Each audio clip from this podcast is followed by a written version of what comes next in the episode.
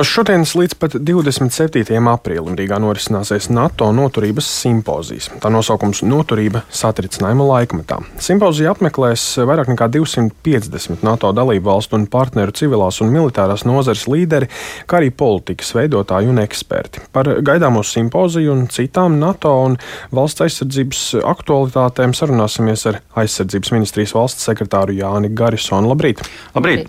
Jā, nu, sāksim ar simpoziju kas ir šis simpozijas, kāds ir tā mērķis un tie galvenie uzdevumi?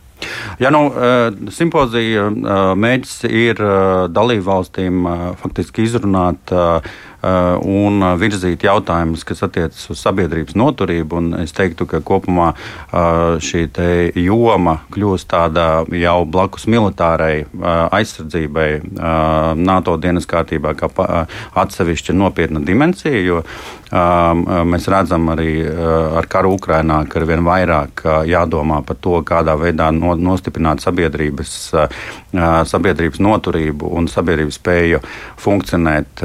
Nu, ko mēs saprotam mūsu valstī ar, ar visaptvarošo valstu aizsardzību. Otra lieta arī no šīs simpozija atziņas un, un secinājumi eh, noteikti arī eh, tiks virzīti tālāk uz gaidāmo NATO eh, samitu Viļņā, kas notiks šā gada jūlijā. Uh, un uh, trešā lieta, es teiktu, ka uh, tas, šis simpozijas ir arī apliecinājums, ka ieviešot visaptverošo valstu aizsardzību, Latvijā mēs esam faktiski nu, to valstu starpā NATO, kas ir nu, zināmā mērā sasnieguši vislielākos rezultātus. Un, ja varētu teikt, esam pirmnieki šajā šīs jomas attīstībā.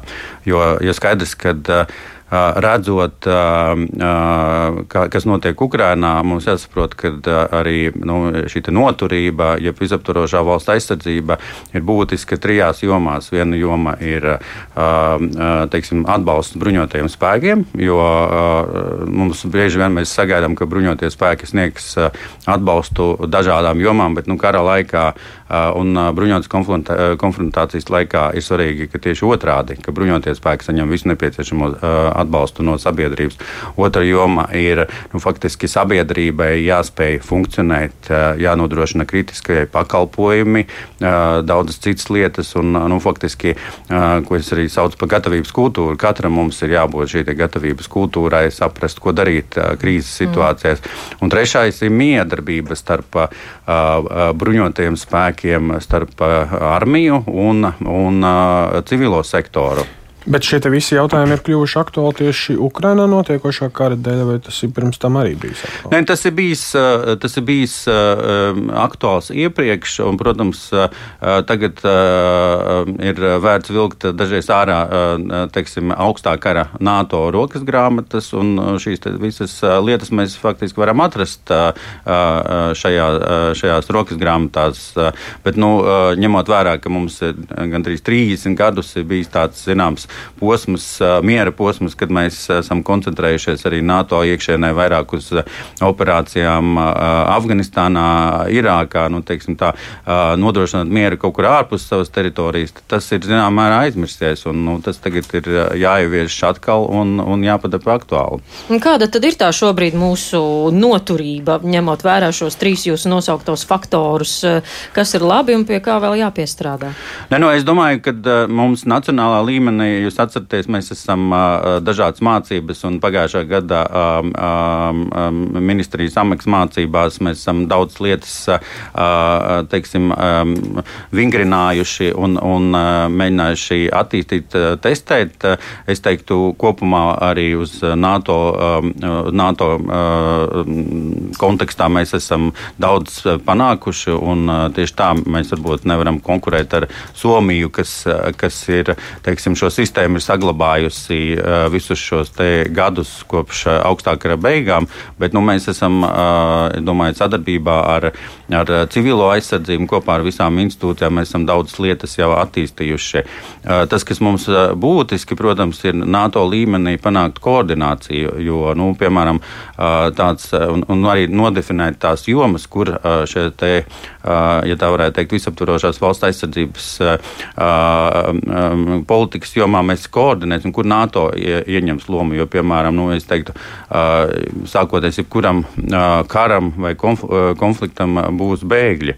Un, nu, šie bēgļi visdrīzāk būs pāri robežām. Tas nebūs tikai mūsu valsts iekšienē.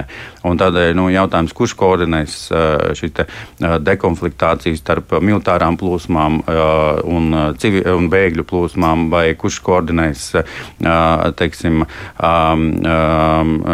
medicīnas atbalstu un, un, daudz tā, un daudzas lietas, kas ir jārisina jau virs starp, dažā, starp vairākām valstīm. Un, un, un tas ir tās jomas, kuras jādefinē. Tad, jāmēģina attīstīt. Šobrīd arī aktīvi tiek strādāts par, pie mūsu valsts aizsardzības dienesta. Kāda ir interese, cik daudz jau pieteikušies uz šo brīdi? Ja nu uh, pirmdien uh, man ir pēdējie dati uz uh, pirmdienu, tad es teiktu, es personīgi esmu pat pozitīvi pārsteigts. Ir, pirmdien bija pieteikušies 187 brīvprātīgie jau, un nu, šī pieteikšanās vēl turpinās nu, faktiski līdz 15. maijam vismaz, un, un nu, mēs ceram, ka šie 300 būs pieteikušies. Jūs minējāt, esat pozitīvi pārsteigts, eh, bet tā tad eh, tas nozīmē, ka ja jūs esat pozitīvi pārsteigts, vai tas arī sasniedz kaut kādus nu, plānotos mērķus? Nē, nu, mēs uh, esam uh, definējuši to sākotnējo 300, 300 ko, ko, ko, kas ir izskanējuši, un, un uh, es domāju, ka uh, es varbūt atļāvos būt tāds piesardzīgs uh, uh, savos, uh, savos uh, aprēķinos, bet es domāju, kopumā mēs to turpināsim arī um, informatīvi uh, um, uh, informēt uh, jauniešus gan skolās, gan, gan caur dažādiem citiem avotiem attiecīgi par šīm iespējām. Un es kopumā es domāju, ka nu, tie rezultāti ir pietiekami labi, un mēs arī aptaujās redzam, ka faktiski jauniešu vidū nav tā, ka kad ir ļoti negatīvi noskaņot un kas tas atbalsts patiesībā pieaug. Un visi, kas piesakās, arī var tikt šajā dienestā, vai būs tomēr jāiztur kāda atlase? Nē, nu, nav fiziskā sagatavotības atlase, bet ir faktiski likumā noteikti kriteriji, kas ir invaliditāte, sodāmība.